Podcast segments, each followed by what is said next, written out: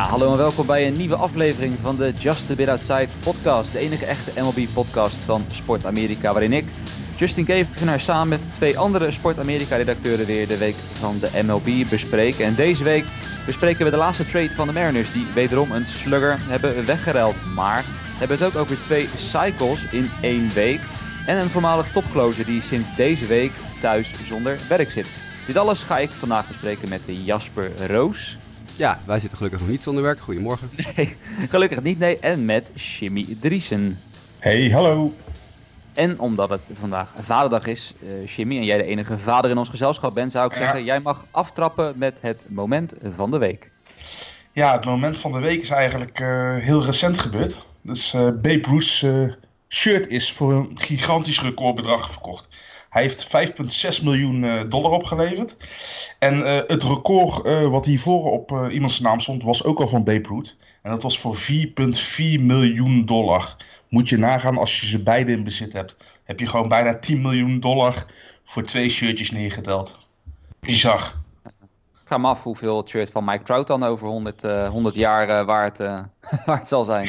ja, ja, maar goed, daar zijn natuurlijk wat meer van gemaakt. Dus iedereen dat gaat die nou bewaren. Wel, ja. Dus nee, ja, het, ik, ik, hou sowieso heel veel van sports uh, attributen en zo. Ik heb zelf ook een hoop uh, baseball shirts. En uh, ja, ik, ik hou hier wel van. Maar ja, 5,6 miljoen is wel echt bizar hoor. Ja, nou ja, goed. Als je het, ja, als je het geld, geld, hebt, kan missen, ja. dan, Absoluut. dan kan je denken, nou ja, fuck it. het zal ik allemaal wel. Ja. Jasper, jouw, jouw moment van de week. Eloy Jimenez sloeg afgelopen weekend twee Drie run home runs in één wedstrijd tegen de Yankees. Uh, zes RBI's. Hij sloeg ook nog een dubbel in die wedstrijd. Dus met twee home runs en een dubbel. 3 uit 5, zes RBI's. Uh, in de drubbing van de White Sox tegen de Yankees. Ik geloof 10-1 of 10-2 werd het. Maar Mount Eloy, die in de, op de dag dat Lucas Giolito zijn Major League leading tiende win binnensleepte. Giolito nu 10 1. En Eloy Jimenez 3 uit 5 met 6 RBI's en 2 3-run home runs ging. Ja, dat was een mooie dag. Ja, nou ja, en natuurlijk ook uh, dat ze nu 500 baseball uh, spelen voor het eerst sinds... Uh... Ja, niet, ja, niet meer sinds, sinds vannacht niet meer. Nee, ja. ze hebben verloren van de Yankees, dus nu staan ze weer één wedstrijd onder 500. Jezus, maar voor het eerst... Speelden. Ja, voor het eerst sinds 2016 waren we, waren we terug op de 500 baseball grens.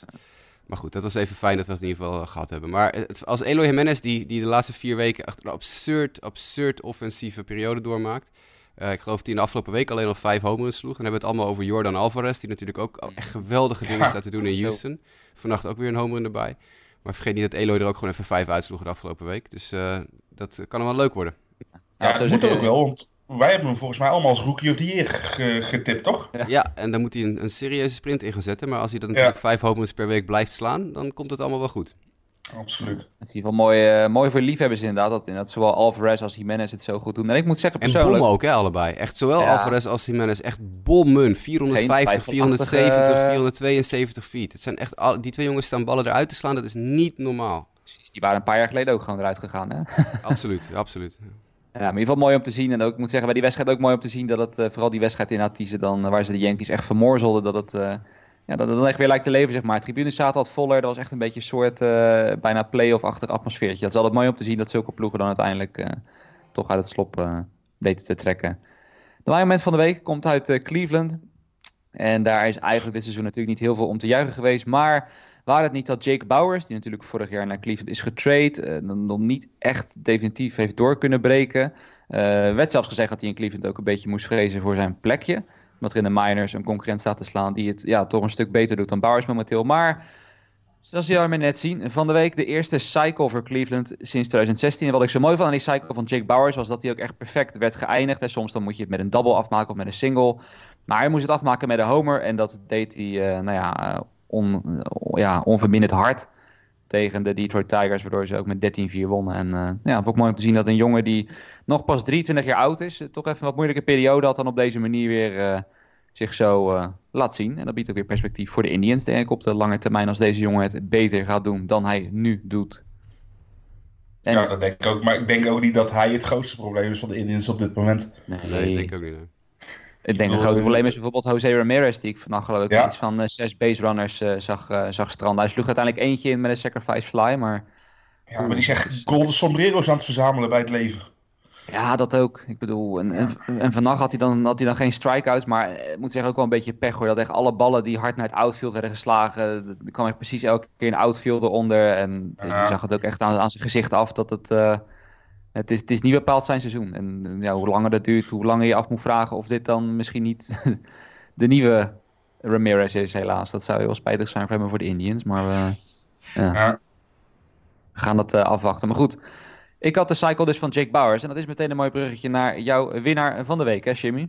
Ja, dat is uh, de designated hitter van de, de Angels, Shohei Otani. Ja, iedereen uh, weet natuurlijk dat een, een, dual threat is. Het is een pitcher en een slagman. Maar ik vind eigenlijk zijn slagbeurten zijn altijd een beetje onderbelicht gebleven. En die gas is ook gewoon gigantisch goed. Heeft, heeft wel moeite met, uh, met, linkshandige, met linkshandige pitches, dat wel.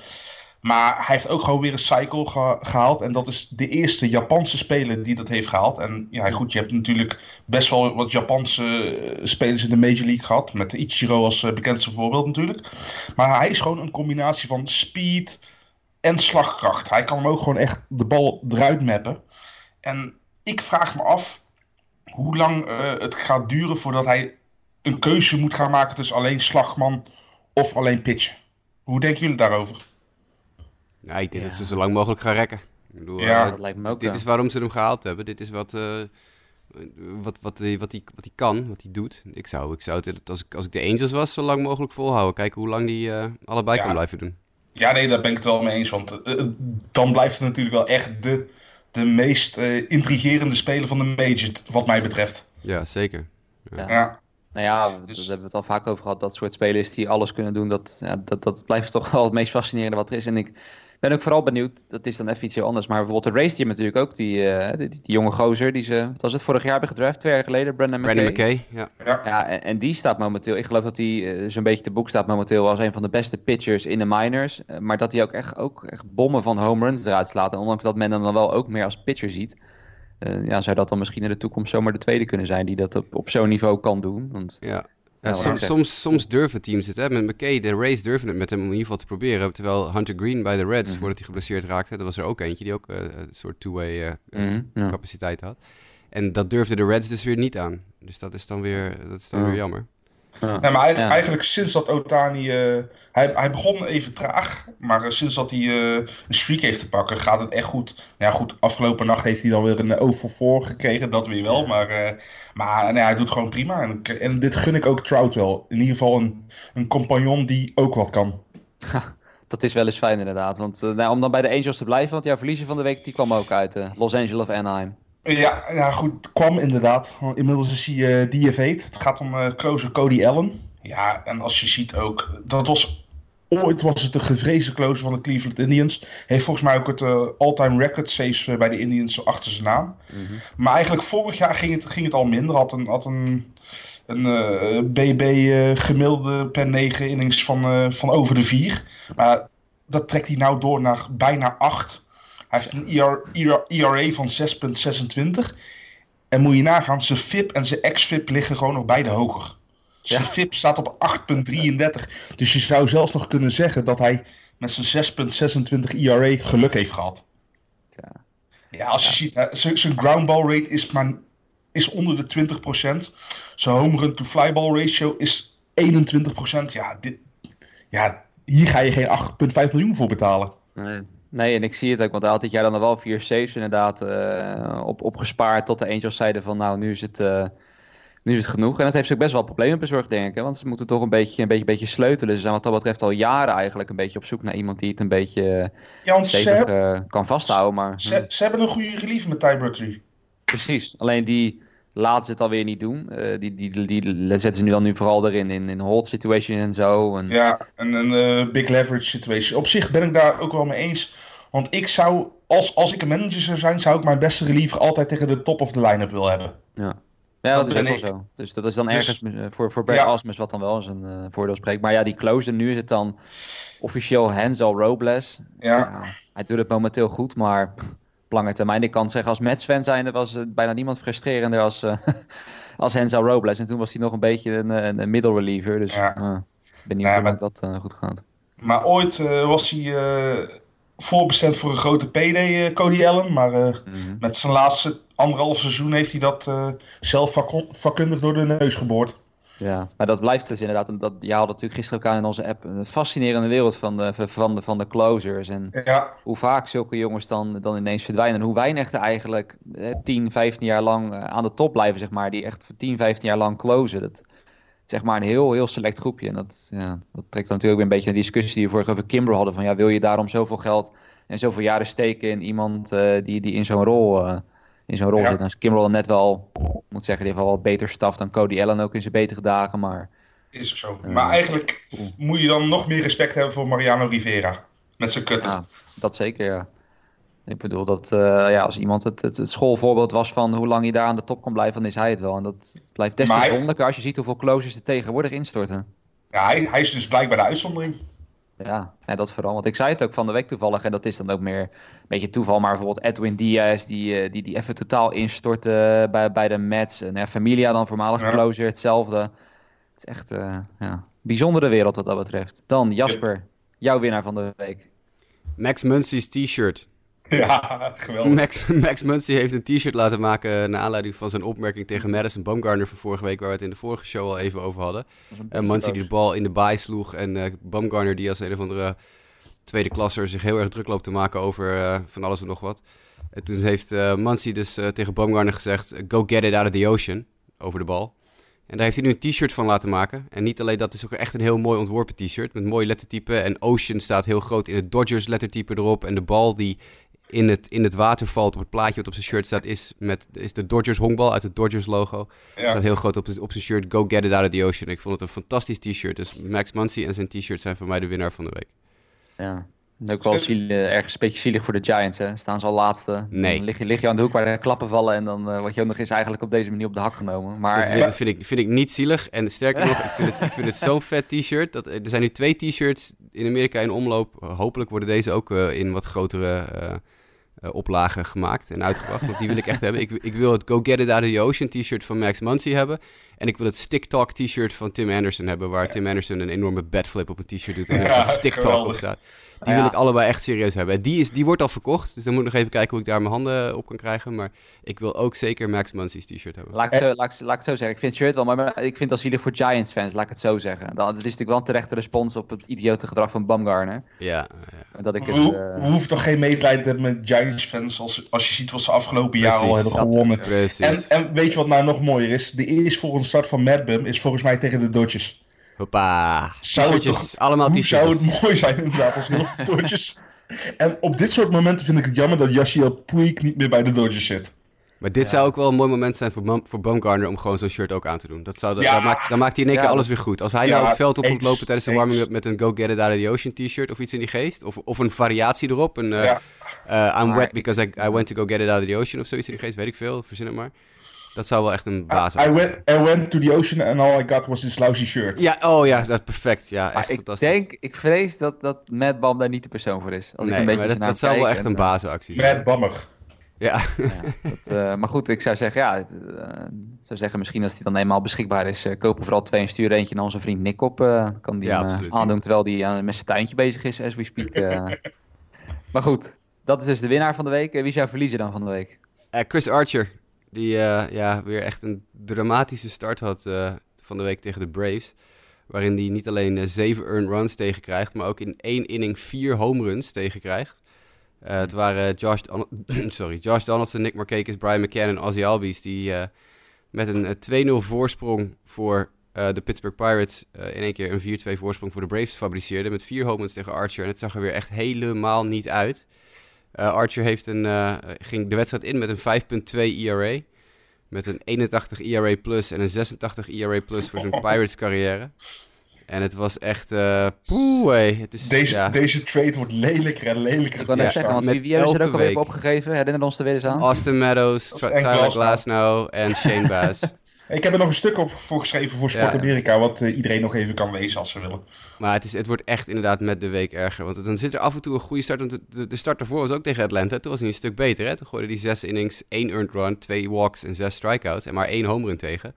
En een paar dagen later heeft hij hetzelfde team tegenover zich. Zeven earned runs, acht strikeouts, vijf home runs tegen. Vijf home runs tegen in zes innings. Maar dat zie je toch wel vaker, dat iemand een goede start heeft en dan gaat een ploeg daarop anticiperen en dan de tweede start tegen hetzelfde team in Ja. een korte periode gaat gigantisch anders. Nou, als je kijkt naar, hij begon zijn seizoen met 0, 3, 1 en 3 earned runs tegen. Nou ja, dat is op zich allemaal acceptabel binnen, binnen de perken.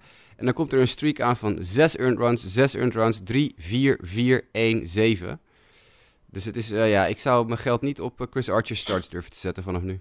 Nee. Nee, nou, ik denk dat, eh, dat bij de race lachen ze zich denk ik vooral de bal uit de broek. ze een van de twee, als ze een van de twee prospects al hadden gekregen, dan Ja. was het al stiel. Nou zijn het er drie geworden zelfs uiteindelijk nog. En dan, Ja. ja. die, die derde kan nog een dikke bust worden. En nog steeds zijn de race echt de, de, ja, de Ja, lachende dan, eh, eerste. dan zou het helemaal misdadig zijn. Dan, eh, Ja, is het, is het ook. Oeh, nee, maar het is inderdaad en het is een mooi bruggetje, want dan pakken we wel meteen door en dan bespreken we allereerst mijn verliezen. Want daar wilde ik de Pirates benoemen, die eh, nou, wat dat betreft een niet hele lekkere reeks doormaken. Zijn nu 2 en 8, hebben vannacht ook nog een keer verloren van, eh, van de Marlins, om het dan nog iets erger te maken. Daarvoor voor- vooral in series tegen de Braves en de Brewers laten liggen. Maar goed, eh, we benoemden ze eerst, of tenminste, was vooral Mike eerder dit seizoen, die benoemde ze toch als een positieve verrassing, dat ze toch enigszins mee konden doen met de concurrentie in de Central. Maar als je dan ziet hoe ze tegen ploegen van formaat doen. En dat ze nu ook tegen de Marlins het toch moeilijk hebben. Kan je toch alleen maar stellen dat deze Pirates denk ik uiteindelijk. eh, denk ik zelfs gewoon op de weg zijn naar de laatste plaats in deze, deze divisie. Ze staan nu net één wedstrijdje boven de Reds. Nou, al- al- maar die vallen ook gigantisch tegen. Want die werden volgens mij ook best wel getipt als, Ja. als outsider. Yep. Ja. Maar goed, daar zie ik dan nog wel. En dat, dat, ja, dat wil ik dan wel zeggen. Daar zie ik dan nog wel iets meer potentie in. Want vooral eh, als ik ook kijk. Kijk, natuurlijk Josh Bell. Hè, geweldig bezig hebben we gezegd. eh, Josh Bell en zijn, eh, en zijn gespierde vader. Dat zijn de highlights eh, van het jaar. Maar dat zijn ook een van de weinige highlights. En ook vooral als je kijkt naar de pitching staff. Er was toch vroeger vaak van die, vooral van die playoff teams. Vaak de krachten. Dat ze een beetje jongens die een beetje in, het slop, in de slop zaten. eh, wat betreft hun carrière. Of die het nog niet echt eh, hadden gebracht. Dat ze die dan... AJ Burnett deed toen ineens heel goed bij de Pirates. Ja, precies. Hè? Francisco Liriano, die, die, die, ook ineens fenomenaal deed. Maar dat lijkt een beetje uit te werken. Toevallig las ik al van de week ook een theorie van iemand op Twitter... dat het ook heel erg aan, aan de pitching coach zou liggen. Eh, Ray Searage, die vooral bekend staat als iemand die op zich is naar weak contact. En dat dat misschien in dit tijdperk van ballen die eh, constant over de hekken heen vliegen... dat dat misschien dan een beetje uitwerkt. En dat het een beetje een verouderde strategie is. Dat het daar misschien iets mee te maken kan hebben. Uh, maar daarnaast ook blessures waar ze niet heel gelukkig mee zijn geweest. Jameson Tyone, uh, 60-day uh, injured list. Trevor Williams en Jordan Lyles weggevallen. Dus het, het, is een hele moeilijke periode waar, ja, waarvan ik helaas niet zie hoe ze daar snel uit gaan komen, de Pirates. Dus ik vrees dat dat een, uh, een gang naar de laatste plaats wordt. Maar goed, en dan de winnaar. Dat vind ik dan een ploeg waar ze uh, onder andere vaak van verloren. Namelijk de Atlanta Braves. Uh, zijn natuurlijk nu met de Phillies verwikkeld in een gevecht om die National League East. En uh, vannacht dan wel verloren van de Phillies. Uh, Ja. Dus de Phillies, kijk, hè, dat zal Jim natuurlijk tevreden stellen. Er zijn iets dichterbij gekomen, maar ik vond het toch vooral de Braves. ja, zijn gewoon fantastisch bezig. 8 en 2 in de laatste 10. Uh, pitching is gewoon uh, on point. De offense is, uh, is, is on point. En dan zelfs laatst. Hè, dat was een van die wedstrijden waar Brian McCann ineens de held van de avond werd met belangrijke hits overal en nergens. Dan kan je stellen dat het allemaal op rolletjes draait. Want Brian McCann moet met zijn 35 ja. jaar toch nog niet echt de bron zijn van ja, alle offense en alle kracht. Maar was het wel. En ja, dat doet mij toch wel denken dat deze Braves echt wel tot het einde... Dat wisten we ergens wel een beetje. Ik was toch een beetje sceptisch aan het begin van het seizoen. Maar dat ze toch echt wel een ploeg zijn die aan het einde van het seizoen mee gaan doen om die, uh, om die divisie. Da daar zijn ze te talentvol voor inderdaad. Alleen ik ben het niet helemaal met je eens dat de pitching on point is. Want nee, eigenlijk... oké, de bullpen wil ik zeggen ook. Oké, okay, ja. Ja. ja. en, ja, want uh, die is inderdaad, want uh, Max Fried, die, ja, die is ook aan het instorten. Volt die doet het natuurlijk niet zo heel best. En ze hebben niet voor niks Kuikel gehaald. Ja, nou ja, dat dus is waar. Dat, dat, moet zeggen, daar, terwijl ik inderdaad doorscroll, ik te denken van, wat heb ik nou net gezegd? Maar het is goed dat je me corrigeert. Nou, ja, Mike, Mike, Sor ja. Mike Soroka is de enige die echt Precies. gigantisch goed speelt. Dat is het vooral inderdaad, Soroka heel erg. En, uh, maar inderdaad, en die bullpen, daar had ik dan een tijd geleden over. En die is in de tussentijd, ik zie wel iets stabieler geworden. Maar dat komt er vooral door de jongens in het midden, zeg maar. Alleen de close, ja, ja ook daar bijvoorbeeld de close positie. Luke Jackson heeft het weer een ah, paar Jackson keer, is best wel goed. Best wel goed. Ja, ja, precies. Maar wel hebben... ongelukkig dan weer de laatste tijd. Het, ja, misschien dat het gewoon simpelweg een gevalletje vallen en opstaan is, maar... Ja, Sean Nieuwkamp die, uh, die wisselt een beetje de bullpen af met starting uh, rol. Kreeg die, kreeg, uh, die kreeg gigantische trouwens, uh, van JT Mulder. Die kreeg ja. 103 mijl per uur op zijn achterhoofd vannacht. Ja, het, het, schijnt wel goed met hem te gaan, gelukkig. Ja, ja, ja, ja. hij zag er verder prima uit. Maar dat, die bal was echt een streep op zijn achterhoofd, man. Ja, dat was, was een harde, harde hit inderdaad. Nee, daarom. Maar ik vond in ieder geval ook vooral nu met die wedstrijd tegen de Phillies. Uh, ik zou ook zeker zeggen, nou ja, mochten mensen wedstrijdjes terug willen kijken of willen kijken. Het is in ieder geval wel mooie duels tussen die twee ploegen. Waar denk ik ook wel duidelijk uit blijkt dat dat de twee ploegen zijn in de National League East. Die tot het einde hopelijk, voor de spanning althans, met elkaar uh, gaan uitvechten wie er met die divisie vandoor gaat. Ja. Dan, gaan we, dan gaan we door naar de nieuwtjes. Want eigenlijk het, het, eerste nieuwtje wat we hebben is ook het laatste nieuwtje wat eigenlijk vandaag binnenkwam. En dat is Edwin Encarnacion. Want een tijd geleden toen ruilde de Seattle Mariners natuurlijk Jay Bruce al weg naar de Philadelphia Phillies. En dat is voor de Phillies vooral, heeft dat niet heel onverdienstelijk uitgepakt de eerste paar weken. Nu traden ze ook een andere slagger weg, namelijk Edwin, Edwin Encarnacion, de home run leader in de American League. Traden ze weg naar de New York Yankees. Jasper, wat vinden we daarvan? Ja, dat is een goede vraag. Hij is al uitgebreid besproken, ook vanochtend in de, de verschillende appgroepen waar we allemaal eh, in zitten, honkbalgerelateerde appgroepen. Het is een, een beetje een, een gespleten trade eigenlijk. Sommige mensen zeggen, nou ja, dit is het begin van de rebuild van de Mariners. Nou, dat lijkt me dat er dan niet genoeg uh, verhandeld is om daadwerkelijk een rebuild te beginnen, want nog iets de Mariners... Nee, de Mariners betalen nog steeds gewoon de helft van Encarnacion's contract. Hij verdient 20 eh, miljoen dollar dit jaar. Uh, als je echt gaat rebuilden, dan betaal je of de hele mub om een uh, veel betere prospect te krijgen, of je betaalt helemaal niks om je salaris te dumpen. Maar als je zo'n 50-50 deal maakt, ja, dat is eigenlijk een beetje een, een niet-zeggende move. Uh, Encarnacion naar de Yankees, ja, prima. dit, de, deze offense wordt, de, de Yankees offense wordt er nu nog steeds eenzijdiger van dan die al was. Want ja. krijg je Stanton en Judge nog terug. Nou, dan moet je al gaan schuiven met je positiespelers natuurlijk. Want stel je voor, je wil Void op één houden en je wil Encarnacion laten DH'en dat betekent dat je Stanton en Judge of nooit tegelijkertijd in de line-up kan hebben, omdat ze allebei rechtsvelders zijn. Of je zet een van de twee in het linksveld. Nou, geen van beide zijn capabele linksvelders. Dus dat is. Dat, dat geeft eentje, ook... eentje is al niet deze capabele rechtsvelder. Nou ja, precies. Ja, ook dat nog. Nou goed, je zou kunnen zeggen, oké, we zetten Judge in het linksveld, want die, die is atletisch misschien nog iets beter dan Stanton. Maar de geruchten zijn dat Stanton naar het linksveld gaat. Nou, dat lijkt me echt helemaal geen goed idee, want dit is gewoon geen goede defensieve outfielder. Uh, daarbij krijg je nog de situatie, uh, wat doe je dan met de rest van je outfielders die er rondlopen? Ja. Wat, doe, wat doe je met je Clint Fraziers? Wat doe je met je Brad Gardners? Nou goed, die kan je nog wel dumpen, want dat is uh, you know, gedane zaak. er, er loopt nog wat minor league talent rond in de, bij de Yankees, wat op den duur in het outfield moet rond kunnen lopen. Je hebt Aaron Hicks nog. Dus het is volgens mij maakt dit het team niet per definitie beter. Daarbij zegt uh, Mark Townsend van Yahoo, die heeft een bron die zegt dat Encarnacion een platoon player wordt tegen lefty pitching. Dat zou dus betekenen dat hij alleen tegen linkshandige werpers zou gaan slaan. Nou, dan vind ik dit wel een behoorlijke uh, claim op de rest van je line-up en je financiële situatie. Om voor een platoonspeler... Dit is gewoon een luxe asset, gewoon. Ja, precies. En dan ook nog een, een prospect uh, te, naar de Mariners te sturen, Juan Ten, die uh, ja, bij, de, bij de Mariners in de top 15 terechtkomt. Dus het is ook nog wel een, een jongen die een beetje kan honkballen. Dus ik, ja, alles bij elkaar. Dit zijn van die trades waarvan ik denk, hier wordt honkbal niet beter van.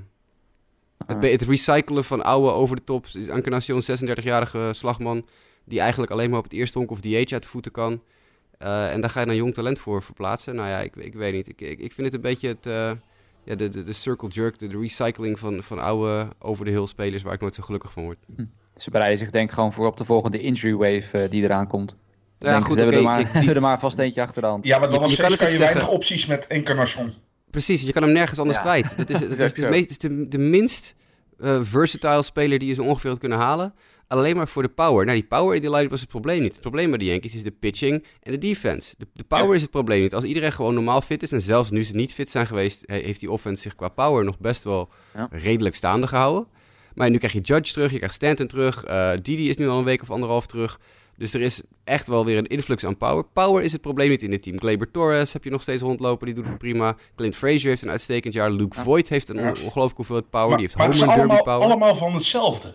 Nee, maar dat is het. Da da maar Encarnacion is dus ook gewoon weer hetzelfde wat ze binnenhalen hier. Dit is Ja. niet je team beter maken. Dit is nog meer offense kopen. Terwijl je dat juist, één, eendimensionale offense heb je niet nodig. Je hebt pitching nodig en je hebt defense nodig.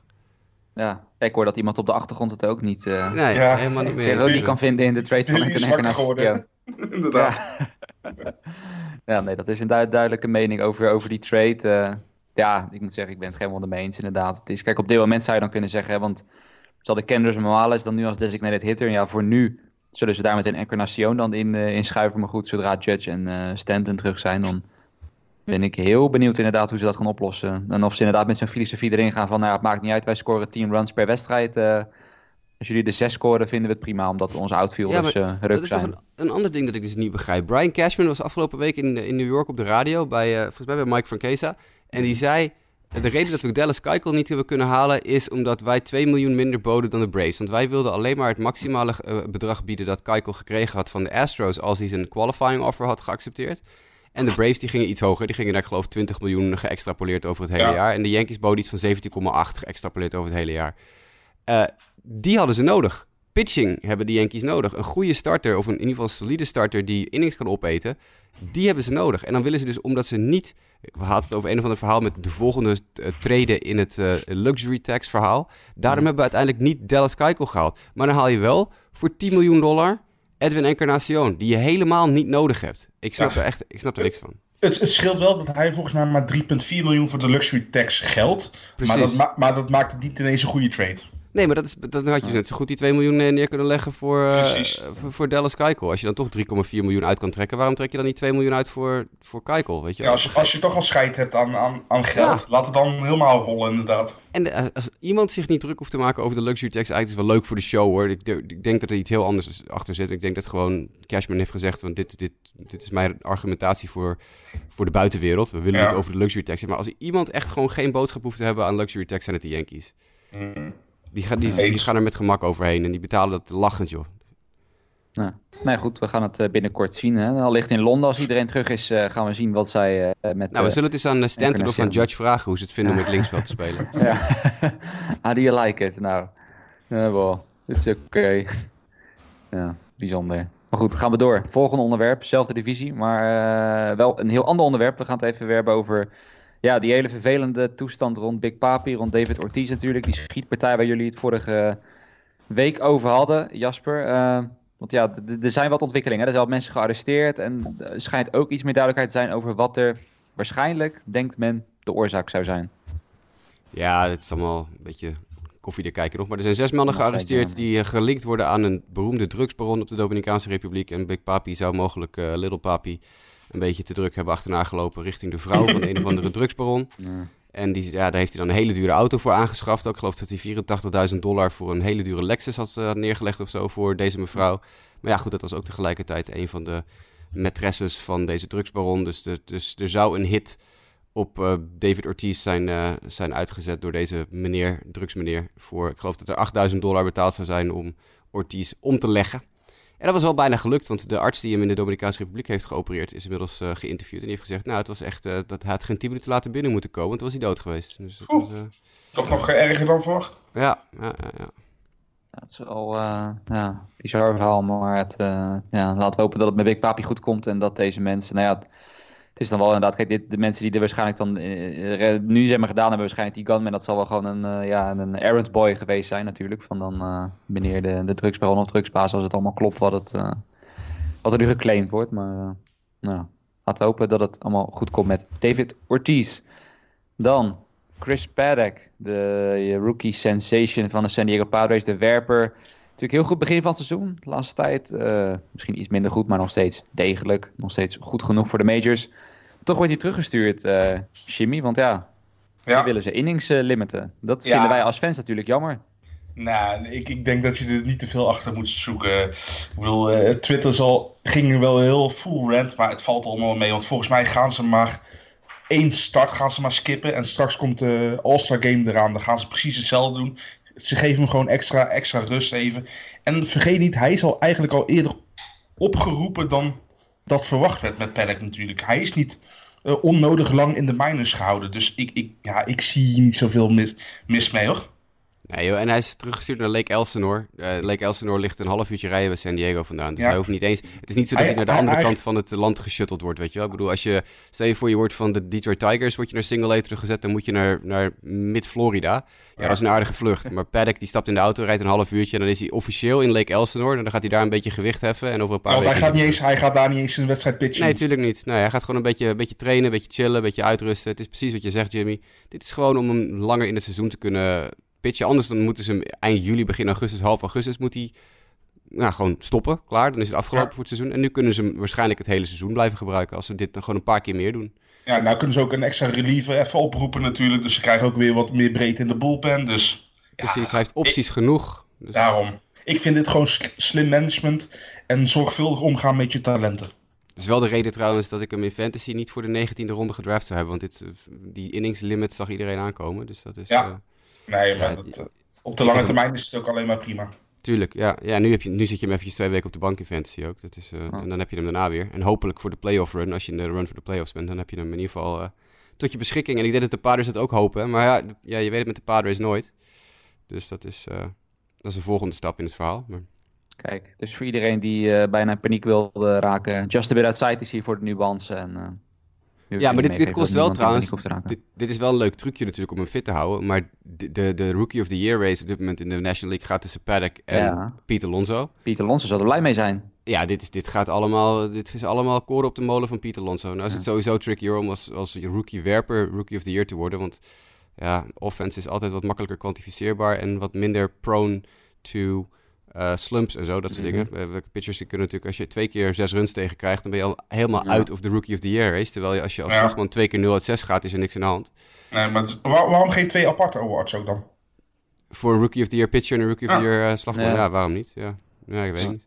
Ja, en ik zit te denken, wat Austin Riley is natuurlijk te laat opgekomen waarschijnlijk om, om Alonso nog eventueel in te halen. Of er zou, dan, zou Alonso een gigantische slap moeten hebben en Riley is er door Ja, moeten blijven precies. gaan. En Riley houdt dit niet vol. Nee, dat denk ik ook niet. Maar dat, dat, ja, goed, dat is nog even afwachten. Maar ik denk hetzelfde. Maar ja, Alonso die doet dit nu al gewoon 2,5 maand, joh, wat hij nu loopt te doen. Dit is, die gast is, hij heeft eh, de 24, hij sloeg vannacht zijn 23 of 24 homer van het seizoen. Ja. Eh, voert hij de majors aan daarmee? Dat weet ik niet eens uit mijn hoofd. Maar dat, eh, volgens mij is hij top, top 5 eh, in de majors op dit moment in home runs. het even snel op. Niet Jellish eh, nog steeds erboven? Ja, Yelich, Yelich zit erboven. En, Wel, Even kijken hoor. eh AL home runs. Nee, ik moet Major League home runs hij staat hebben. Hier. tweede. Hij staat tweede in de National League, tweede in de, Ach, in de tweede in de majors. Ja, Yelich, Eh Alonso, toch? Ja. ja, Yelich, Alonso, Bellinger, Mustakas, Renfro, Encarnacion, Sanchez, Gary Sanchez. En het is ook geen schande om achter Jellish te staan natuurlijk. Nee, Nee. maar dan ben je een rookie en dan sta je drie Ja, ja. achter de, de reigning MVP. Kom op zeg, laten we even, eh, even, even duidelijk toch? Nou. Maar goed, als, Ja. we dan, eh, ja, als we dan even bij de Padrace ble- dan, weer- dan weer teruggaan, dan pakken we even een ander onderwerp aan. Want dat hadden we ook in de outline gezet. namelijk het nieuws dat naar buiten kwam. Dat de Padres toch best wel actief willen zijn op de trade market. Maar dat ze daarbij eigenlijk ook heel veel spelers beschikbaar stellen. Eh, alleen Eric Hosmer, Manny Machado en Fernando Tatis zouden echt off-limit zijn. Ja, Maar dat betekent- Hosmer en Machado krijg je ook niet kwijt natuurlijk. Nee. Nee. dat is dan weer een ander, eh, ander verhaal eh, inderdaad. En ik neem aan, het gaat dan hier natuurlijk over, over positiespelers voornamelijk. Maar het betekent dus wel dat Hunter Renfro bijvoorbeeld met zijn 21 home runs beschikbaar zou zijn. Dat Fremio Drie, Reyes, drie, drie geslagen volgens mij afgelopen nacht of de Ja. nacht ervoor. Dat, dat Fremio Reyes ook met zijn 19 homers en die er best wel goed staat te spelen eh, beschikbaar zou zijn. Eh, ja, Jasper, geef ik hem eerst, eerst aan jou. Wat, wat zouden de Padres hiervoor kunnen halen eventueel? Wat denk je wat ze willen halen? Pitching, gok ik. Ik denk Ja. dat ze vooral pitching willen hebben. Want ik bedoel, eh, de, ja, jongens als Hunter Renfro, ja, die home runs zijn leuk. Maar alle andere statistieken bij Renfro doen altijd een beetje pijn in je ogen. Nou, misschien de oldschool team dat nog in Ja, nou, 1980 goed, ik bedoel, opereert. eh, de Mariners bijvoorbeeld. Ja, misschien wel, ja. Eh, maar jongen als eh, Manny Margot of desnoods Will Myers, waar ook nog over, eh, geruchten over gaan dat hij op de trade block zou liggen. Nou, daar is nog best wel wat voor binnen te harken. Dus ik bedoel, ik weet niet zo goed waarom de Padres het zouden doen. Is, is het um, dat de Padres zichzelf aan het positioneren zijn voor volgend seizoen met deze moves? Of willen ze dit jaar ineens toch nog over de kop gaan en Major League talent binnenhalen? Hm. Dus ja, dat is even de vraag. Maar voor de rest, eh, ja, ik bedoel, prima. Ik zou ook eh, alles eh, de duvel in zijn oude moer gelopen shoppen als ik hem was. En zo snel mogelijk beter worden. Want Ja, Maar- die, die window die, die begint steeds verder open te staan voor ze. Dus. Maar dit hebben de Padres toch ook gewoon al vaker gedaan. Toen ze, de, toen ze Upton hadden, toen ze, toen ze Kimbrel hadden. Ja, maar dat was, dat was, dat was meer echt leeg verkopen om, Ja. om dat om echt op de lange termijn. Want dat het was slecht dat ging waren- ook inderdaad. Precies, met Camp, die ze toen nog. Ze hebben eerst voor Camp en Kimbrel getrade. En die hebben ze vrij snel weer van de hand gedaan.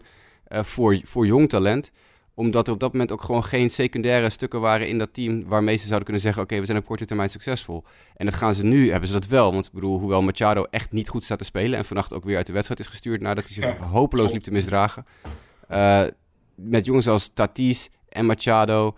Nou ja, eventueel Hosmer nog. De, de- een paar jongens in die pitching staff. Er loopt nu echt wel wat rond waarmee je kan zeggen: Nou, dit team is redelijk eh, immediate future proof. En, en volgens mij hebben zij ook de meeste talenten in de top 100 eh, MLB pipeline. Volgens Ja, mij is- ah, ze volgens mij met acht of negen talenten in de top 100. Ja, het zijn, het zijn er echt heel veel. En, en dat, maar goed, er zijn er wel een paar die heel ver weg zijn nog. Hè. Ik bedoel, dat de, de twee Nee, zeker, die 1, 2, 3 zeker. nu, eh, hè, de Mackenzie Gores van de wereld en zo, die zijn echt nog lang niet eh, Major League ready. Dat duurt nog wel een jaar of twee. Maar het zijn wel gewoon heel grote talenten natuurlijk. Eh, en, en Anderson Espinoza en zo, die geblesseerd zijn. Maar ja, er is, er is genoeg eh, op dit moment in de majors al aan talent wat, wat eventueel nuttig kan zijn. Dus als je nou denkt van oké, een Hunter Renfro, we zijn de home runs hebben, de, de home runs hebben we niet nodig. We hebben iemand nodig die wat, wat beter over de hele linie presteert.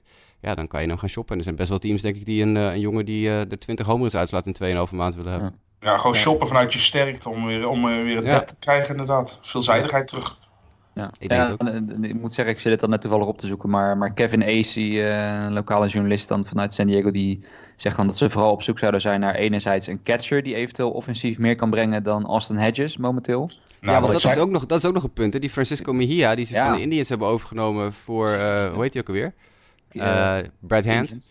Ja, inderdaad, voor Hand inderdaad. En eh, die- presteert helemaal niet. En dat was echt de grootste catcher-talent in de, in de minors voor jaren. En die jongen die kan het, die krijgt gewoon de stap naar de majors niet voor elkaar. Ja. Dus, Al moet ik ja. zeggen, met, met, ik vind het dan ook wel een beetje dat, dat de Padres geven ook niet genoeg kansen, zeg maar. Want het, het is vooral dat, dat hij de hele tijd in een soort, vanaf het begin al in een soort timeshare zat met Hedges, waarin hij dan 1, 2 starts kreeg en Hedges dan 4, 5, eh, omdat Hedges een, nou ja, meer ervaring, allicht beter voor de Mm. jonge werpers en dat soort dingen, maar dat helpt dan misschien ook niet. Ik zou zeggen, misschien als je hem echt veel genoeg kansen geeft, dat het dan wel gaat, maar ja, lastig om te Ja. zeggen. Ja, maar sowieso zijn er toch maar heel weinig catches die offensief ook echt iets toevoegen. Ik, ik kan er misschien dit seizoen 6, 7 noemen die, die het echt gewoon goed doen. En de rest is er ook allemaal echt replacement level of niet.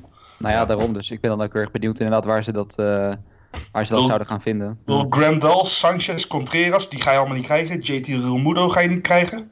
Mitch Carver, Os Omar Narvaez. Dat James zijn een beetje de namen. Ja. Ja. Nou ja, dan kom je inderdaad bij dat, eh, bij, ja, bij, bij dat segment uit met alle respect. En dan wordt ook dus genoemd eventueel een outfielder die de defense kan versterken. Nou ja, dat zou dan slaan op ja, dat is Renfro, dus- ja. En Reyes natuurlijk. Die weliswaar Precies. allebei voor veel power slaan. Maar ah, ja, dan heb je twee van die gasten in je outfield. Dat, kijk, eentje, ik, ik zou dan persoonlijk denk Reyes erin houden. Die, die is ook super jong nog, 23 jaar. Eh, Renfro toch wat ouder. Dat je dan een van die twee inderdaad, en dan is Renfro denk ik de grootste kandidaat, dat je hem vervangt. Eh, met Ja. iemand die verdedigend wat meer zijn mannetje staat. Aan de andere kant, ja, lever je dan misschien weer niet te veel offense in. Want Manuel Margot die in centerfield staat, doet niks eigenlijk sinds hij eh, bij de Padres zit. Dus ja, lastig. ja. En vooral pitching, dus het, het wordt interessant wat ze ermee willen. Het is toch, is toch jammer, hè? Want Renfro, dat was toch altijd... Nou ja, in de jaren... ja, laten we zeggen vijf, zes jaar geleden was dat... The next big thing op, op prospectgebied. Hij en Jock Peterson waren in die tijd eh, de, de grootste power hitters in de, in de minors. En dat is bij Peterson... Komt het er sporadisch uit. En bij Renfro komt het er eigenlijk alleen op home run gebied uit. En niet Ja. op eh, andere, andere de Maar zaken. Pe- Peterson is er ook gewoon een pl platoonspeler geworden. Nou, precies. Daarom. Ja. En dat waren jongens die in AA en AAA de boel echt helemaal aan gort beukten. Ja. Ja. Nou ja, het wordt interessant in ieder geval om te zien wat er eh, allemaal gaat gebeuren. Dan, eh, nou ja, qua nieuws was het een redelijk rustige week. Dus dan gaan we door naar eh blessure-update. Nou ja, ons medisch expert eh, Mike zit helaas in, in Japan. dus we gaan het even al met z'n drie een beetje op. Ik zal ze even oplezen en dan misschien dat we allemaal één blessure kunnen benoemen die we in specifiek nog even willen toelichten of zo. Of wat we, de reden waard vinden om langer te bespreken. Nou ja, goed. Het eerste wat natuurlijk al een tijd geleden, wat we net al hebben besproken, is dat Stanton en Judge natuurlijk on the way back zijn. En dat ze bijvoorbeeld waarschijnlijk met die London Series allebei alweer eh, terug zouden moeten zijn bij de Yankees. Casey Mize, eh, ik denk dat dat misschien ook wel interessant is om misschien meteen even bij stil te staan. Want Jasper, ik zag dat jij daar ook wat op Twitter over had geplaatst, het een en ander. De jonge prospect van de Tigers naar de injured list. Dat, dat zag er niet echt goed uit, hè? Nee, heel gek. Hij eh, is, is een van de beste pitchers in de minor league op dit moment, Casey Mize. Natuurlijk de first overall pick van vorig jaar van de Tigers. En echt een absurde eh statistieke lijn die hij dit jaar had. Het ERA onder de 1 en, eh, en een whip onder de 1 en noem maar op. En uh, du duvel is de oude moer, strike die out. En die gooide een pitch in de tweede of derde inning. En in één keer was het een fastball van 85 mijl per uur. Nou, normaal gesproken gooit Mize hoog in de 90. En als je dan in één keer een fastball gooit van 85 mijl per uur, dat is een catcher die keek. Je kunt het filmpje op Twitter ook zien. Zijn catcher vangt die bal, staat op, lijkt even twee of drie seconden na te denken van... hé, hey, wacht, wat gebeurde hier net? Ik vroeg een fastball, dit was nog niet eens een change-up. Hier is, iets, niet- hier is iets niet helemaal goed. En de catcher vraagt time-out en loopt naar de heuvel... en nou ja, binnen twee minuten zit Mice alweer in de clubhouse... want de, de trainingsstaf kwam naar buiten en hij werd meteen uit de wedstrijd gehaald. Want als je natuurlijk in één keer 10 tot 13 mijl per uur op je fastball verliest... In, van de een op de andere pitch... ja, dan is er wel even iets aan de hand, ja. Uh, het blijkt uh, schouderinflammation te zijn, wordt, is het verhaal wat de Tigers nu naar buiten hebben gebracht. Maar het, het, eerste waar wij natuurlijk op dat moment aan denken is iets heel anders. Dus als het bij, bij, bij schouderinflammation blijft, dan is het, hebben de Tigers een, een masseltje gehad. Maar ik, ik heb een sterk vermoeden dat er iets meer aan de hand is. Ja, het is heel zonde, want die jongen is echt heel goed bezig. Hè? Natuurlijk, hij was pas net begonnen aan zijn, aan aan route door de miners. Maar tot nu toe steeg hij omhoog zijn raket, toch? Nee, absoluut. Ja, dit is een jongen die uh, in dit tempo eind van dit jaar AAA of misschien wel de majors zou, uh, zou gooien. Ja. Dus, uh... ja, dat is dan, dan pijnlijk. Wat ook pijnlijk is, maar goed, aan de andere kant lijkt het dan goed af te lopen, is voor Steven Piscardi van de Oakland Athletics. Ja. ja in de categorie blessures, dat is geen blessure te noemen, maar eerder hij is geopereerd omdat er een melanoma uit zijn oor gehaald moest worden. dus ja, simpel gezegd, hè, een huidkanker geconstateerd bij, bij Piscardi, weggehaald. Ja. Maar ja, toch, toch wel denk ik een schrikmomentje voor de outfielder van de, van de, van de Athletics. Want ja, zulke dingen maak je niet al te vaak mee. Maar het kwam bij een, bij een check-up uh, kwam het aan de orde dat er iets in zijn oor zat. En het uh, bleek dus uh, ja, niet goed aardig te zijn. Dus het moest weggehaald worden. En laten we ja. hopen dat Piscardi daarvan herstelt en ja, snel weer terugkomt. volgens mij was het laatste nieuws een beetje dat hij binnen een week ongeveer wel weer terug zou kunnen komen. Ja. Nou ja, daarom als het inderdaad gewoon als het natuurlijk verder niks aan de hand is en het wordt weggehaald, dan zou je in feite natuurlijk vrij snel terug kunnen keren. Dus nou, ja. ja. zoals het er nu naar uitziet, is dat inderdaad het geval. En Capiscari gewoon binnenkort weer. Uh... Want, want het ging om een, een soort moedervlek, ging het volgens mij toch? Bij ja, de... precies. Ja, inderdaad, een moedervlek in zijn in oor, die dan, ja. Uh, ja wat, wat, dan op huidkanker. Was, ja. en, en, ze waren er vrij vroeg bij al. Nou goed, ja. Heeft natuurlijk sowieso niet zoveel geluk gehad toen. Uh, zijn moeder is natuurlijk ook aan de ALS overleden in 2007 toen. Dus dat was toen ook groot nieuws in MLB. Dus nou, ik hoop gewoon dat het, dat het hem weer voor, voor de wind gaat. Ja, nee, inderdaad. Dat, dat denken wij denk ik uh, allemaal inderdaad. Dan Corey Seager. Uh, ja, die is weer geblesseerd. Hè. We hadden natuurlijk vorig jaar hele, het hele seizoen gemist. Met Tommy John surgery. En ook dit jaar gaat het hem. Uh, ik moet zeggen, op, op, het veld heb ik het niet heel goed in de gaten gehouden. Maar het gaat hem geloof ik nog steeds niet heel erg voor de winst is terugkeer. Veel mensen dachten echt dat hij meteen terug zou zijn en full power zou zijn. Maar het is met een beetje vallen opstaan. En nu is hij weer naar de, ja, naar de injured list. Ja, hamstring, hamstring strain hè? Ja. En uh, volgens mij is het dezelfde hamstring. Volgens mij uh, waar die in 2013 uh, die die had afgescheurd. Ja. ja. Dus ja, ik, ik, ik heb mijn twijfels bij hem. Ja. En ik helaas is... ook. En ik heb hem in heel veel fantasy teams dit jaar. Want ja, niemand wilde hem hebben. En toen dacht ik, nou ja, goed, weet je, 14e ronde. Nou ja, vooruit maar, weet je wel. Maar, ja. want, want het schoot er ook zomaar in bij hem. Het was niet van dat het eraan zat te komen ineens knak. Ja.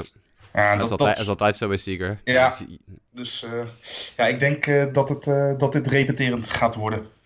Ja, en dat is toch vooral vervelend. En ik zou er vooral kijken, hij is natuurlijk nog jong, 25, maar natuurlijk, hij begon heel goed. Ik bedoel, hij is twee keer naar de All-Star Game gegaan, was vooral in 2016 echt ongelooflijk goed. Was toen derde in MVP, vote Rookie of the Year. Dat hij nu, nou ja, vorig jaar dan natuurlijk het seizoen grotendeels gemist. Hij had nog wel een paar at-bats totdat hij dan die Tommy John surgery onderging.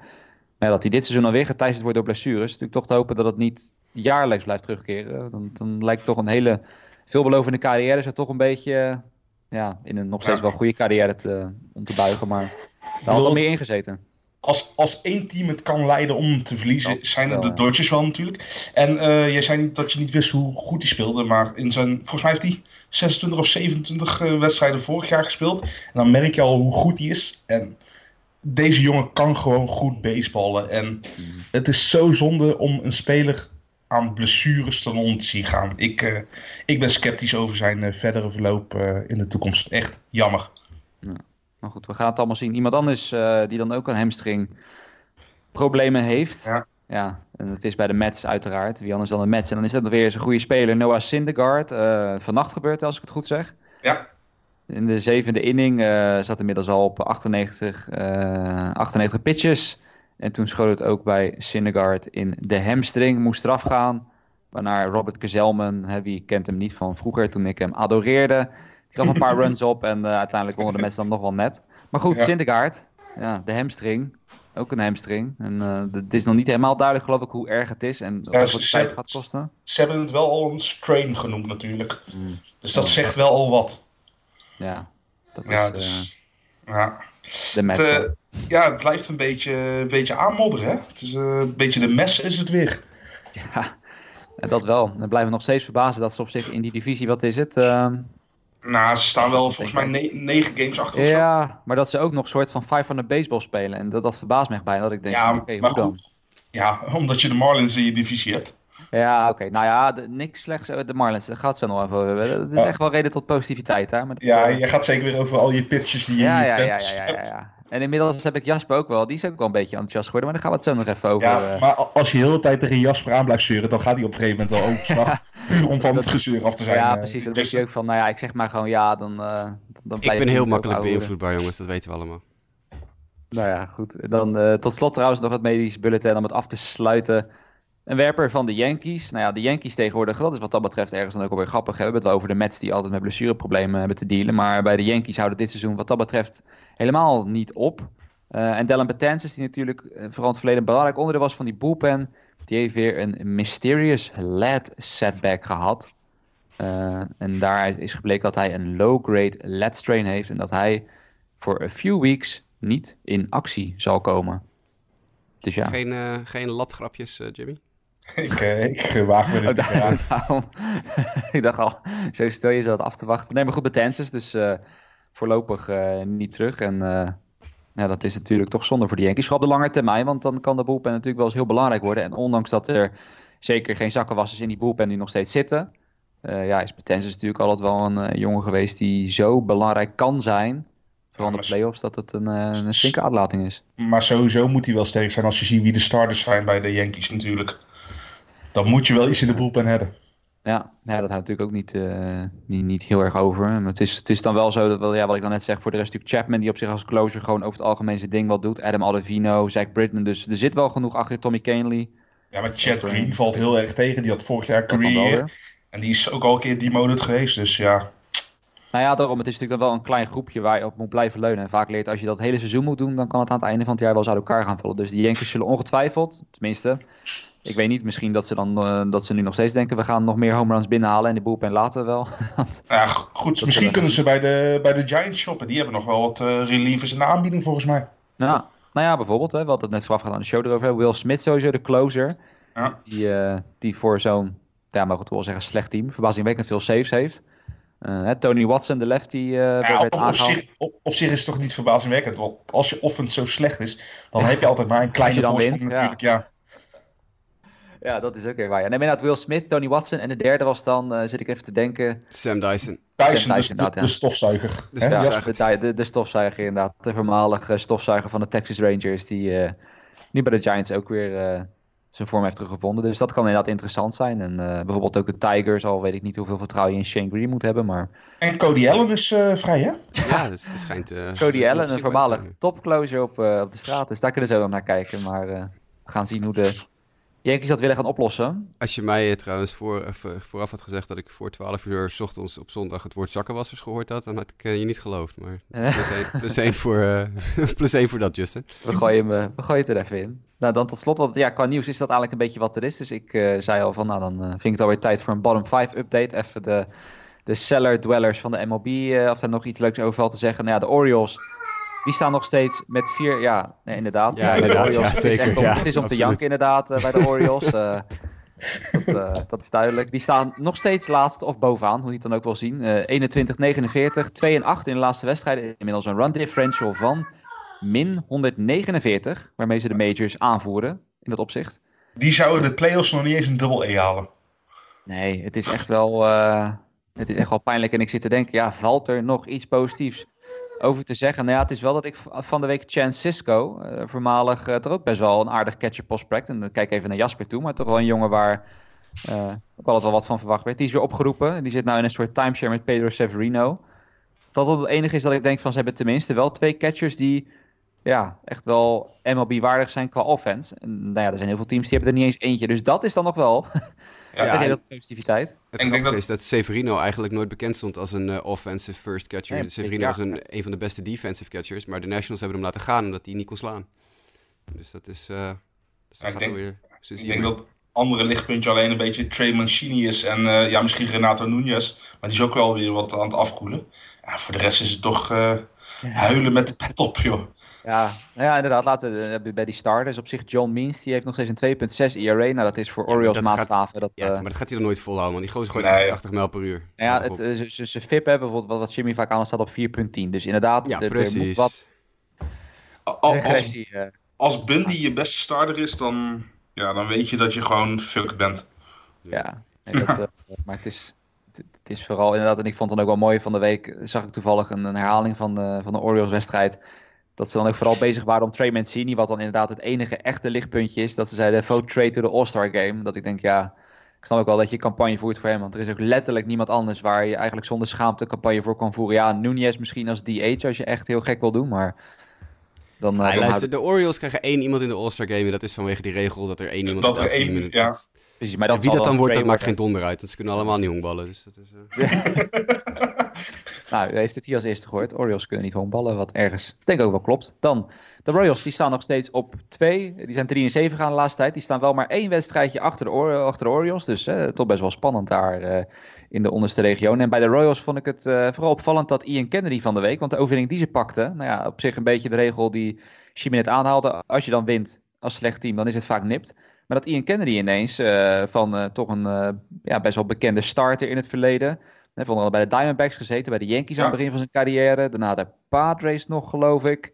Ja, is nu bij de Royals omgeturnd tot closer. En dat lijkt op zich, als je daar dan naar de peripherals kijkt, best wel goed af te gaan. Dus dat vind ik wel verrassend dat hij op zijn oude dag dan nog, is inmiddels 34, zijn plekje lijkt het te hebben gevonden. En misschien interessant hè, voor een contender, bijvoorbeeld de Yankees, om misschien terug naar het oude nest te halen.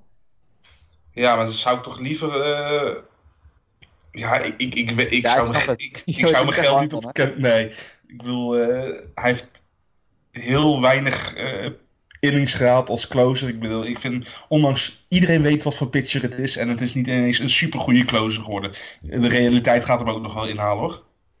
Nou, we gaan het zien. Maar tot nu toe Ian Kennedy best wel, best wel oké. Dan Toronto Blue Jays, dat ja, verbaast me dan ergens wel een beetje. Aan de andere kant ook weer niet. Die staan inmiddels dan op de derde plek. De Marlins stonden altijd stevig in die, stevig in die top drie. Maar de eh, Toronto Blue Jays hebben ze overgenomen. Staan 25, 45.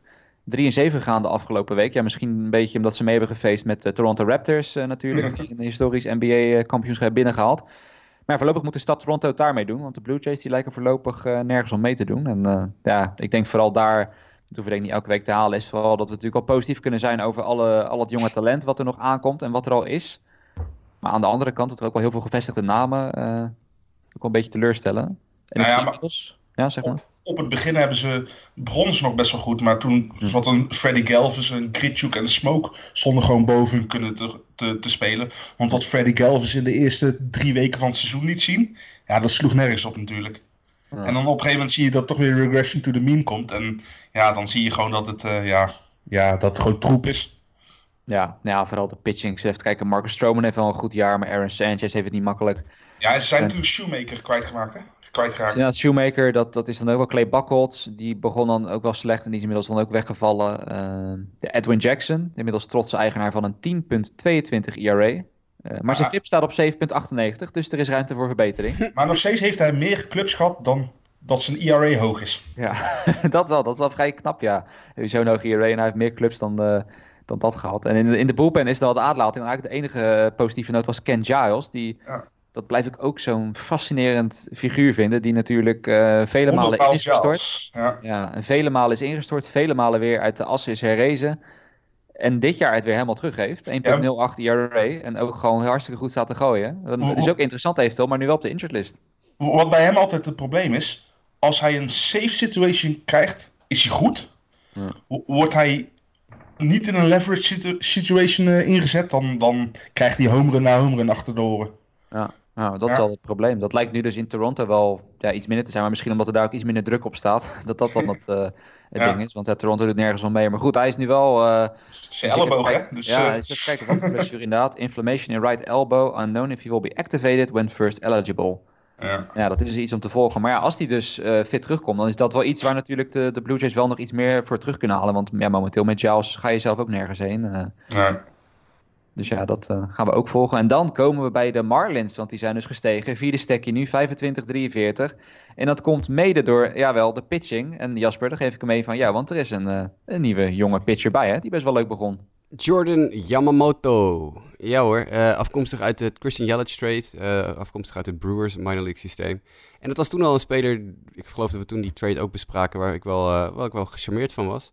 En die is eigenlijk alleen maar zich heel stabiel aan het ontwikkelen geweest. Het is geen super ace, gooit geen 100.000 strikeouts en gooit geen 100 mijl per uur. Maar gooit heel goed en weet zijn pitches te plaatsen en weet ja, hitters een beetje voor de gek te houden. Met, hij heeft een beetje die Japanse beweging. Het is, het is mhm. geen Japanner. Ja, ja, goed. Ja, Yamamoto, er zit duidelijk iets Japans in. Maar hij is geboren Amerikaan. Maar hij heeft wel weer een beetje hetzelfde, diezelfde been movement, weet je wel? Dat je je voorste been optilt en een beetje laat zwabberen en hangen, wat, wat Matsuzaka ook een beetje had. Dus misschien heeft hij zich wel een beetje... ja. ja. Precies, ja. Heeft hij zich gemodelleerd naar dat soort jongens, zoals Matsuzaka en, en, en nu dan Kikuchi. Um, maar die gooide echt hartstikke goed. Zeven strikeouts in zijn start en, uh, en niet al te veel uh, problemen. En het zag er allemaal gewoon heel goed uit. Dus ik eh, denk dat als de Marlins slim zijn, houden ze Jordan Yamamoto eventjes uh, in de majors voorlopig. Maar, maar, Jasper, waar ik het net al over had. Uh, Yamamoto heeft nou zijn debuut gemaakt tegen de Cardinals. En gaat volgens mij over twee dagen weer tegen de Cardinals gooien. Heb jij er vertrouwen in dat hij weer zo'n start kan doen? Of hebben de Cardinals hem nou door? Ik, uh, start, ik start hem gewoon in fantasy hoor. ik heb hem in, in een fantasy league, in mijn, in mijn money keeper league heb ik hem opgepikt. En ik, ook, ik start, ook in de Sport Amerika League, toch? Ja, ook in de Sport Amerika League, ja. Ik, ik start hem gewoon. Ja, ik heb, ik heb zelfs behoorlijk bedrag voor hem neergelegd. Niemand anders wilde hem hebben. Dat vond ik wel nou ja, ik, ik, ik wilde er bijna voor gaan, maar ik durfde niet. Omdat we een gentleman's agreement hadden dat ik ja, dat is waar, ja, ja. ja. ik twijfelde de laatste moment toch nog even, maar ik dacht, nou, dat uh, laten we dat nee, maar niet ja, weet je, de teams die bovenaan staan hebben hem niet zo hard nodig. Maar, uh, ik had je ook mijn woord gegeven, Jasper. Ja, nee, dat klopt. Ja, jullie, ah, jullie waren, dat, ik was ook heel erg... Uh, ik, ik was hem bewust niet aan het bespreken bij ons in de groep, maar toen, ja, toen bracht Justin hem toch ter sprake. Dus dan ja, kon ik er niet aan aan het komen. Maar ik, ben, uh, ik, ik, ik, geloof wel in Jordan Yamamoto. Ik start hem gewoon. Het, misschien is het niet zo goed als de vorige keer, maar ik, ik zie ook geen reden waarom het nu in één keer... Uh, waarom hij nou 10 runs tegen moet krijgen. Ik bedoel, hij, hij weet wel waar zijn pitches heen gaan in tegenstelling tot Chris Archer. Ja, ja maar dat, en dat is dan inderdaad toch echt wel, uh, natuurlijk, ik, ik, doe er dan misschien een beetje gechargeerd optimistisch over, maar dat het dan toch wel zeker reden tot optimisme is voor de Marlins. Dat ze vooral qua pitchers uh, wel een aardige groep aan jonge pitchers straks hebben. Met, met ja. nou, Caleb Smith is nu geblesseerd, komt dan terug, maar die 27. Pablo Lopez 23, die vannacht weer prima gooide tegen de Pirates. Eliezer Hernandez hebben ze opgeroepen van de week. Die heb ik in een andere Fantasy League uh, opges opgescoopt. Want die is ook best wel goed. Sandy Alcantara inderdaad. Dus, ja. uh... Ze hebben dan nog uh, die jonge Zach Gallen die ik laatst op noemde. In de minors rondlopen. Die geloof ik een ERA van net onder de nul heeft. Of ja, onder, de Gallen, on, onder de nul zelfs. Ja, onder, dat zou wel heel knap zijn. Negatief ERA. Zach Gallen is trouwens die andere uit de, de Yelich deal. Oh, Yamamoto, Yamamoto en Gallen kwamen met z'n tweeën over van, voor Yelich. Nou ja, daar zit dus iedereen op te wachten tot die ook wordt opgeroepen. En dan heb je een aardige groep aan jonge werpers die je voorlopig nog wel onder controle hebt. Ja, het probleem is alleen, als je kijkt naar uh, wat ze als slagman hebben. Ja, dat is wel. Als, als Garrett Cooper zeg maar, de afgelopen weken je beste slagman is, dan. Uh... Nou, niet, niet eens afgelopen week, gewoon heel, heel ja, seizoen, eigenlijk, eigenlijk al. Hè? Ja, ja, maar dan, uh, dan, dan gaat er voor de rest wel iets mis. Dus dat is inderdaad het enige. Maar ja, qua pitching uh, zit, zit dat prima. enige jammer is dan wel Jose Urania. niet omdat hij per se zo goed gooide, maar werd vooral veel genoemd als eventueel trade bait. Als, als vijfde starter voor een contender of, of een long reliever voor een contender die dat uh, nodig heeft. Die is uh, naar de 60-day IL gegaan vanwege een lower back strain. Dus, uh, nou ja, niet, niet, niet eens een lower back strain. Herniated disc in zijn, in zijn ruggenwervel. Oh, nou dan hebben ze die inderdaad nog, uh, nog wat netter verwoord inderdaad. Maar dan is het wel wat ernstig inderdaad. Dus die, ja, uh, die, die, zien we denk ik niet, uh, niet snel meer terug. Nee, die gaan we niet terugzien inderdaad. En dat, dat, is, dat is helaas niet iemand die de Marlins weg kunnen traden. Dat is jammer voor Derek Jeter, want die houdt er natuurlijk wel van om een dealtje te sluiten. En de Marlins wat dat betreft ook. Nou, dan tot slot, om het rubriekje even af te sluiten. De Detroit Tigers die staan ook nog steeds in deze top 5 uh, staan nu 25 en 42. Hebben overigens wel het één na slechtste run differential met uh, min 126. 2 en 8 in de laatste 10. Nou, dat is allemaal lekker belabberd dus. Uh, ondanks dat ze nog steeds die twee leuke werpers hebben. Matthew Boyd en Spencer Turnbull. En Shane Green, die wonderbaarlijk genoeg met 20 saves ook zo'n beetje een van de leiders is in de majors. ja. En die dan ook eventueel als straight bait interessant kan zijn. Terwijl ik zelf, ik ben nooit echt in Shane Green believer geweest. Nog steeds niet. Maar ja, in al die wedstrijden die ze dan net kunnen winnen, doet hij het. Ik beliep maar in één gast, hè. Dat is Shane Bieber. Ik ben echt een belieber. Precies, ja. Nou, wat dat, die is wat dat betreft wel een stuk getalenteerder. Ja, dat, uh, dat, dat, kunnen we wel stellen. Maar goed, de Tigers dus nog steeds in deze top 5. En uh, lijken voorlopig ook nergens uh, heen te gaan. Maar daarom, ik denk van deze top 5 toch weer de meeste positieve dingen over de Marlins gezegd. Hè? Die gaan toch wel... ja, maar die, die, hebben, die hebben echt gewoon een jonge pitching staff. En ja, dat kan nog wel uitgroeien tot iets. Maar ja, dan goed moeten ze niet weer zo'n gekke fire sale konkel in de kop krijgen met Jeter. Dus, uh... iemand, uh, iemand moet uh, de, de mobiel van Derek Jeter, moet even de simkaart eruit halen en ja. alle nummers van alle andere GM's veranderen of zo. Dat hij niemand kan bellen om slechte deeltjes te sluiten inderdaad. Dat, die man moet tegen zichzelf in bescherming genomen worden. Misschien, misschien die gezellige meneer die Jasper laatst aanhaalde, dat hij hem in bescherming moet nemen. Dat, ja, Gary Dembo, ja. ja, misschien dat hij dat, wel, dat hij dat wel kan, maar goed. Dat is het eigenlijk. Hè? Ik zit te denken, hebben we nog mailback-vragen? Jasper? Uh, nee, maar we zijn wel vergeten om nog even te melden dat Joe Mauer zijn nummer gisteren afgelopen nacht oh ja, uh, retired, retired, is. is. Dus ja, dat ja. moeten we misschien nog wel even doen. Ja, en, nee, dat is en, zeker zo inderdaad. Het is wel prachtig dat dit in een seizoen gebeurt dat de Twins ook gewoon echt weer leven. Mm -hmm. Ja, ik zag het inderdaad. Volle, volle tribunes. Ja, waarschijnlijk enerzijds vanwege die ceremonie, maar ook gewoon dat ze het hartstikke goed doen natuurlijk. Ik bedoel, er is reden om daar die tribunes te vullen. Precies. Ook uh, vannacht weer, ik geloof ook weer gewonnen. Dus uh, ja, dat gaat maar goed, Joe Mauer dus nu uh, op de muur uh, van Target Field. Nummer 7 Mauer wordt nooit meer gedragen door de Minnesota Twins. Ja. Mauer op de Mauer, dat is toch wel mooi. Mauer op de Mauer, inderdaad, ja. Ja, en dat uh, niet meer dan terecht natuurlijk, hè, denk ik. Ik bedoel, zijn hele leven lang gespeeld voor de Twins. local kid. Ik zag ja. ook echt bij die ceremonie dat, die, dat, die, dat het dan wel wat deed, zeg maar, om ertussen te staan. En, ja, ik, ik, ik, vind het jammer. We, jullie hebben geloof ik, toen was ik in die episode er ook niet bij gehad over zijn retirement. over of het uiteindelijk Hall of Fame waardig is en zo. Mm -hmm. Ja, ik heb net die, die topperiode, zeg maar, want ik zie naar zijn cijfers te kijken, toen 2009. Uh, ik weet niet of dat ook het jaar was voordat hij op uh, MLB The Show uh, stond, zeg maar, op de cover. Volgens mij stond hij in 2010 op de cover, omdat hij op 2009 MVP was geworden. Precies, want toen had hij dus inderdaad 365 average, 4,44 on-base percentage, 28 homers, 96 RBI's. En dat in een tijdperk waar de bal nog niet juiced zou zijn geweest. Ja. En waarin, als we kijken nu naar catchers en, die... En voor een catcher inderdaad, ja. Dat was het echt fenomenaal inderdaad. En eigenlijk het jaar daarna inderdaad, want daar ken ik hem dus wel van. Toen heb ik ook mijn eerste MLB The eh, Show game uh, gehaald, 2010. Ja, toen stond hij op de cover. Maar eh, echt die echte, echte topseizoen toen, dat heb ik helaas niet, uh, niet kunnen zien toen. Maar ja, ik, dat, uh, ik zit hem af te vragen, stond hij twee jaar achter elkaar op de voorkant? Ja, op, dat tien in, op 10 in ieder geval wel, want die had ik. Ja, 10 en 11. Oh, 11 ook. Allebei. Ja, 10 en 11. Ja. Nou, dat was 11 dan, waar ik hem dan voor het eerst... Uh, want daarvoor had hij dus ook 2010 was trouwens ook een prima jaar hoor. Wat dat betreft. Dat, uh, was alleen zijn power een beetje gezakt. Maar nee, niet meer dan, uh, niet meer dan terecht. En het leuk dat de Twins... We hebben de afgelopen aflevering vaak genoeg over gehad... dat ze momenteel niet, uh, ja, er niet mee stoppen. Want momenteel, we speak, staan 47-22. Nou ja, alleen de Astros. Maar goed, daar hoef je echt niet voor te schamen. Die hebben in de majors een beter record. Maar qua run differential staan ze nog weer bovenaan met plus 118. De Astros plus 114. Dus dat... Ja, dat gaat lekker. En dan te bedenken dat de Indians, hè, we hadden het erover, de, dit is echt de Indians divisie Toulouse, die staan 11 wedstrijden achter. Terwijl die inmiddels ook een beetje opgekrabbeld zijn, maar dat is echt uh, nou, mooi om te zien voor de ploeg uit de Twin Cities. En dan zijn we er denk ik wel, hè, Jasper? Er zijn nog meer, hebben we nog meer dingen gemist? Nee, nee niet, dat, uh, dat schoot me even te binnen. Voor de rest geen mailback vragen, geen andere grappen en gollen. Dus uh, we kunnen er weer een einde aan breien. Right. Nou ja, mocht je nou voor de volgende keer wel vragen hebben, stuur ze dan vooral kan naar justawaypodcast.gmail.com. Het kan natuurlijk ook persoonlijk op Twitter. Kan je ons taggen voor mij, at. Voor Jimmy, at Jimmy Driesen. Voor Jasper, at Jasper Roos. Voor mij kan het at mdijk90, al is die vooral nu druk met vakantievieren in Japan. En at Inik voor Nick, die vooral druk bezig is met zijn tuintje.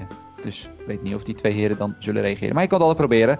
Verder kan je natuurlijk het Sport Amerika contacteren of op onze Facebookpagina slash of facebook.com slash Sport Amerika. En natuurlijk de site in de gaten houden voor de artikelen die er de afgelopen tijd op zijn gekomen.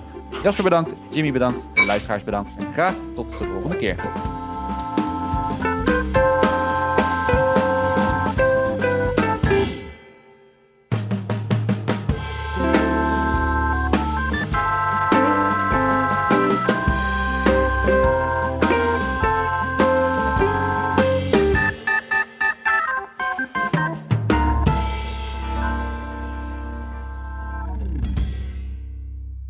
Inmiddels uh, wordt bij Jimmy het hele huis verbouwd. Ja, wij zijn bezig met een binnenverbouwing en niet met de tuin.